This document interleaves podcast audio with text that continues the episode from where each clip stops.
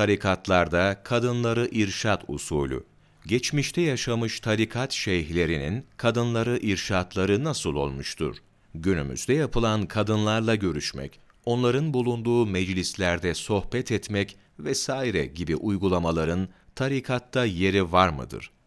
Hicab ayeti indikten sonra Nebi sallallahu aleyhi ve sellem Efendimiz kadınları çoğunlukla eşleri vasıtasıyla bazen de perde arkasından görüşmek suretiyle irşad etmiştir. Bu sünnete tabi olarak son devrin maneviyat büyüklerinden Hazreti Mahmud Sami Ramazanoğlu Kuddisesi ruhu da kadınları kocaları vasıtasıyla irşad etmiş, onlara hiçbir zaman toplu veya tek tek sohbet yapmamıştır. Kadınlara zikir telkinini de kocaları vasıtasıyla yapmıştır. Bu usul maneviyat ehlinin yoludur. Bu yolun büyüklerinden Mevlana Halid-i Bağdadi Kuddisesi ruhunun bir talebesine yazdığı mektupta şu ifadeler yer alır. Ubeydullah Efendi, kadınların eve gelmelerine mani olsun. Bu iş, onun tarikattan çıkışına sebep olur. İmam Şarani rahmetullahi aleyh hazretleri bu konuda şöyle der. Başlangıçta birçok şeyh ve derviş, kadınlarla yakınlıkla onlara manevi bir baba olduklarını, böylece birlikte oturmalarının ve o kadınlara bakmanın caiz olacağını düşünürler.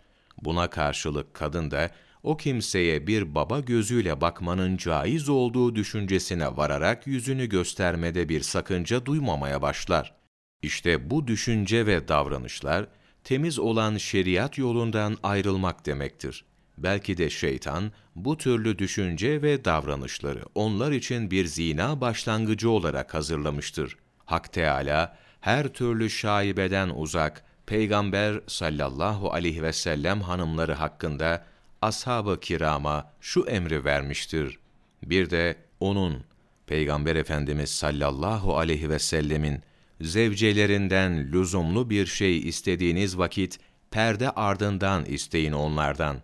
Bu davranış gerek sizin ve gerek onların kalpleri için daha uygun ve daha temiz olmuş olur.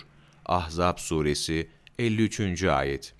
Misvak neşriyat hak dinin batıl yorumlarına cevaplar. 14 Temmuz Mevlana takvimi